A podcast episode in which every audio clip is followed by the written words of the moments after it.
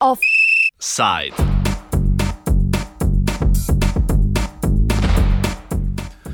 Brezplačno pripravništvo, še ena oblika novodobnega suženstva.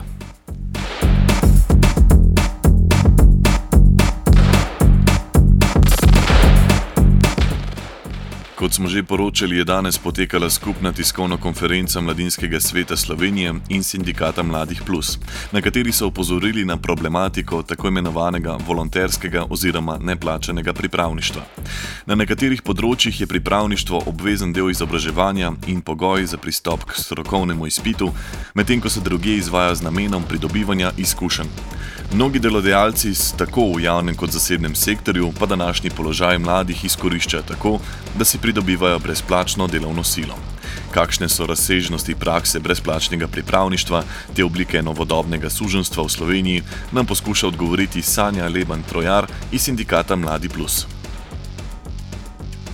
Predno začnem govoriti o podatkih, vnaprej opozarjam, ti podatki so zbrani preko mailov, preko klicov, spremljanjem medijev. Skratka, mi smo bili tisti, ki smo se trudili zbirati podatke in to še vedno počnemo. Uradnih podatkov nimamo. Po zbranih podatkih lahko rečemo, da največ problemov oziroma največ pripravništva vse trenutno upravlja v šolstvu in vzgoji. Skratka, imamo po 200 in več pripravnikov letno uh, v osnovnih šolah in imamo okrog 40 do 50 pripravnikov za tiste, ki ministrstvo javno objavlja razpis v vrtcih. To je največji paket, za kjer ga vemo. Nasplošno vemo, da se veliko pripravništva upravlja še v zdravstvu. Vsi vemo, kako so zdravstveni domovi in zdravstvene institucije razdrobljeni, nimamo še poenotenih podatkov. Pripravništva so problem na področju prava, ker so pogoj za pristop k pravosodnemu izpitu. Iz čist neuradnih zbranih podatkov smo pa uspeli razbrati, da so veliki problemi s pripravništvom upravništvom um, brez podlage v odvetniških pisarnah, pa v arhitekturnih birojih. Pri nekaterih je zakorenjeno prepričanje, da mladi volonterji opravljajo med pripravništvom le enostavna in pomožna dela, s čimer pa se ne strinja, ne strinja Trojareva sploh za javno upravo, kjer so prijave, ki smo jih dobili, ki smo jih prijemali, pošiljali več ali manj redno zaposleni. Skratka, starejše osebe, ki upravljajo strokovna dela, so prijavljale uh, volonterske pripravnike, ker se pač ne strinjajo s, takim, uh, s tako obliko izkoriščanja mladih. Iz vseh prijav je razvidno, da gre za čist normalna uh, dela v polnem obsegu, kar pomeni vsaj 8 ur uh, dnevno. Gre za dela, ki so strokovno zahtevna dela, uh, to ni nobeno kuhanje kave ali pa fotokopiranje. Skratka, mladi upravljajo delo, za katero bi bil nekdo drug, predvsem starejši, na tem istem delovnem mestu normalno plačan. Kakšna pa je pravna ureditev oziroma neureditev področja? Ko se je zadnjič odpiral in zapiral zakon o delovnih razmerih, se je spremenila postavka, ki govori o volonterskih pripravništvih in se je za volonterske pripravnike predpisalo nujno oziroma obvezno povračilo potnih stroškov in stroškov za prehrano. To moramo reči, da kot smo sledili tudi po javni upravi, se pač to izvaja, skratka prehrana in prevoz.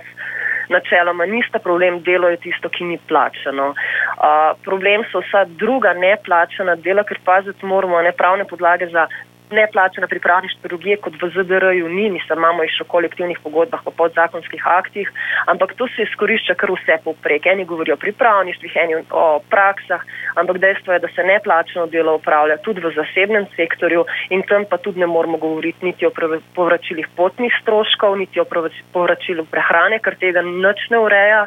Uh, tam nimamo ZDR-ja, ki bi to pokrival in uh, tam prihaja do največjih anomalij, do katerih je pa najtežje dostopati, ker običajno gre za male kolektive, kjer se mladi ne odločajo, da bi to prijavljali, ker v trenutku, ko dvigne telefon, pa nekam pokliče, se ve, kdo je oddal prijavo za tako izkoriščanje. O problematiki smo povprašali tudi na Ministrstvu za delo, družino, socialne zadeve in enake možnosti, kjer so nam obrazložili, da navajamo, Volontersko pripravništvo se lahko opravlja le takrat, ko je to predvideno s posebnim zakonom. Zakon mora vnaprej določiti, da je na nekem področju oziroma v neki dejavnosti za samostojno upravljanje dela potrebno opraviti pripravništvo in da se le to lahko upravlja tudi volontersko.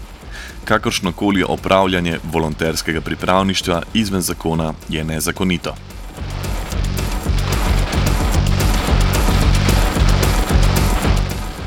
Torej gre preprosto za delo na črno. Kot je bilo že omenjeno, se neplačenih pripravništev poslužujejo tudi v zasebnem sektorju, čež da mladim omogočajo nabiranje izkušenj. Fenomen je prisoten predvsem v arhitekturnih birojih in odvetniških pisarnah, pojavlja pa se tudi drugot. Nadaljuje Trojareva. Da je ironija še večja, se, se takega dela poslužujejo zdaj ponovno tudi uh, razno razna podjetja. Prav pred kratkim smo zasledili, so se eni start-upi objavili, da iščejo štiri uh, pripravnike, štiri različna podjetja. En od teh start-upov je bil ustanovljen že leta 2005, kar pomeni, da to ni noben start-up, ampak da pač privatni sektor posega po neplačani delovni sili. Um, vsi poslušamo skozi, da gre za pridobivanje izkušenj, mi izkušnjam čisto ne oporekamo, ampak dejstvo je, da ko en pripravnik neplačen odide skozi vrata, pride naslednji neplačen pripravnik skozi vrata in nobenega motiva nima delodajalec, da bi mlade zaposloval in plačeval, če pa pač lahko dobi zastonsko delovno silo. Vladne stranke so se v koalicijski pogodbi sicer strinjale, da je izvajanje neplačenih pripravništev, zlasti tam, kjer je to obvezno, nedopustno. Kljub temu pa so pred kratkim na Ministrstvu za šolstvo, izobraževanje, znanost in šport objavili razpis za 247 obveznih neplačenih pripravništev v osnovnih šolah in vrtcih. Odnos vlade do problematike komentira Trojareva. Odnos aktualne vlade do te problematike je ničen, kar se mene tiče.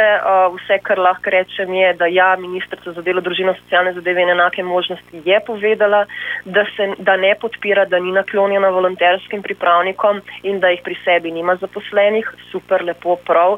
Tudi ministrstvo za šolstvo, izobraževanje, znanost in šport je to isto omenila na zadnjem posvetu mladinskega sektorja. Um, drugih izjav, komentarjev nismo zasledili. Um, ampak to je neko načelno strinjanje ali pa ne strinjanje, od tega mladi ne morejo živeti, še manj pa so lahko od tega plačani. Nam je tega dost. Zato uh, si želimo, da bi se nehali vsi mi načelno strinjati, pa da bi uh, mogoče tudi malo manj načelno, ampak definitivno korektno in konkretno, kako sta spremenili. S problematiko pripravništva se soočajo tudi mladi socialni delavci. Jutri ob 15. bo na fakulteti za socialno delo potekala javna razprava z naslovom Prihodnost pripravništva v socialnem delu. Kakšen je položaj mladih socialnih delavcev, smo povprašali domna, člana skupine študentov socialnega dela za pripravništvo. Iskreno zelo slab. Uh, vsako leto pride približno 100-120 diplomiranih socialnih delavcev, ki pa nimajo nikamor red. Javni sektor itak ne zaposluje več centri tudi ne in še, če še pripravništvo ne moremo dobiti, kako bomo pa službo. Ali je tudi pri izvajanju pripravništev v sferi socialnega dela prisoten fenomen neplačanih pripravništev? Nažalost je, ker v bistvu mi moramo po zakonu moramo, uh, narediti pripravništvo, en let pripravništva moramo upraviti, uh, da lahko potem upravljamo strokovni spit in se pol pač sploh lahko prijavimo na zaposlitve. Uh, in pač, če ne dobimo plačenega pripravništva, so nekako prisiljeni v to volontersko delo, kar, pri katerem moramo delati pa čisto vse, kar delajo plačani uh, socialni delavci. Položaj mladih iskalcev zaposlitve se poskuša urediti s projektom Jamstvo za mlade. Zakaj gre in ali je projekt učinkovit, pa nadaljuje Trojareva. Jamstvo za mlade je nabor 36 ukrepov, um, ki, v, ki v osnovi vključujejo eno preprosto obljubo, da bomo štiri mesece po nastopu brezposelnosti oziroma zaključka, zaključko izobraževanja mladi spet brezposelni osebi ponudili ali dodatno izobraževanje, ali um, zaposlitev, ali pripravništvo, ali vajeništvo. Skratka, mlada oseba bo aktivirana. To je osnovna ideja, sprejeta tudi na nivoju Evropske unije. Ne? V Sloveniji smo dobili 36 ukrepov, ki so tako ali pa drugače vezani na zaposlovanje. Opozoriti je treba, da so noter razno razni krožki, da, noter, da so noter deficitarne štipendije, da so štipendije ad future, tako da se lahko malo sprašujemo, koliko je zdaj to vse dejansko namenjeno temu osnovnemu cilju zaposlovanju. So pa tudi čist praktični ukrepi. Tle bi izpostavila recimo mentorske scheme, ker gre za subvencijo za zaposlovanje in za mentoriranje mlade osebe. Pol mogoče bi izpostavila prvi izziv. Uh, to je ukrep, kjer se za zaposlitev mlade osebe za 15 mesecev, to je 3 mesece uvajanja in 12 mesecev neke vrste pripravništva v vzhodni slovenski kohezijski regiji dobi isto subvencijo.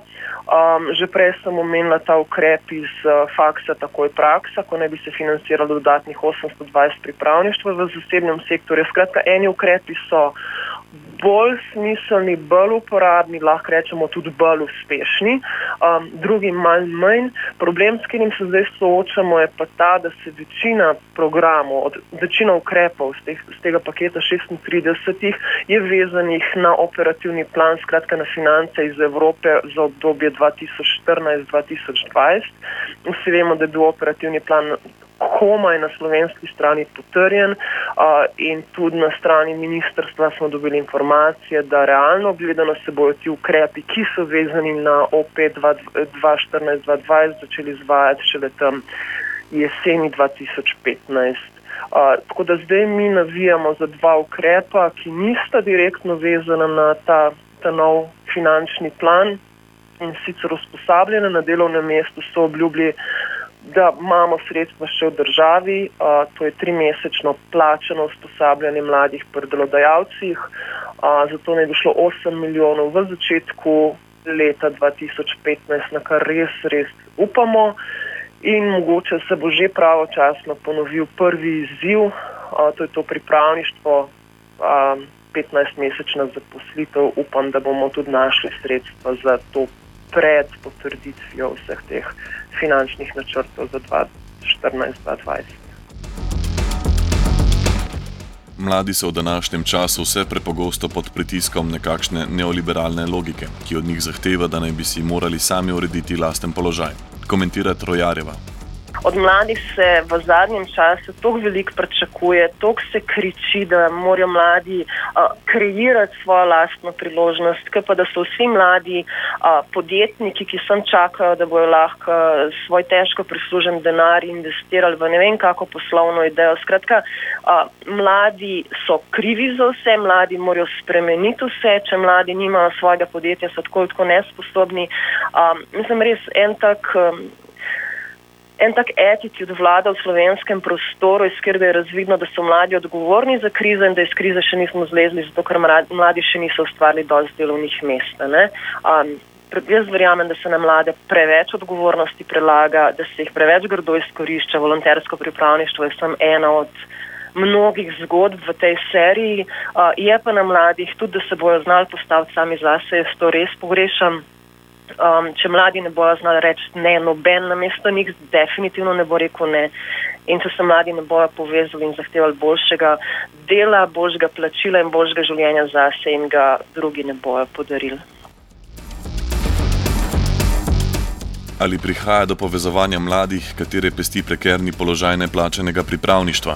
Počasi, zelo počasi, pa definitivno um, bi jaz rekla, da če se že povezujejo, se povezujejo tako, kot so se recimo zdaj študenti arhitekture. Ne? Ko nekaj zaboli, pa na zelo oskem, vsebinskem, strokovnem področju smo se sposobni povezati. Povezovanje v kakšne večje skupine, mi smo, prihajamo v sindikate, recimo sindikate, je med mladimi še vedno v večini prepoznano kot stvar zgodovine, preteklosti, pripadnost ni več tako cenjena ali pa pozitivno sprejeta, kar je žalostno. Predvsem mladi so izolirani, so izključeni, se težko povezujejo in bi veljalo izkoristiti priložnost, ki obstajajo. Pa ne govorim samo o sindikatih, govorim o drugih mladinskih organizacijah ali pa ne vem o razno raznih društvih.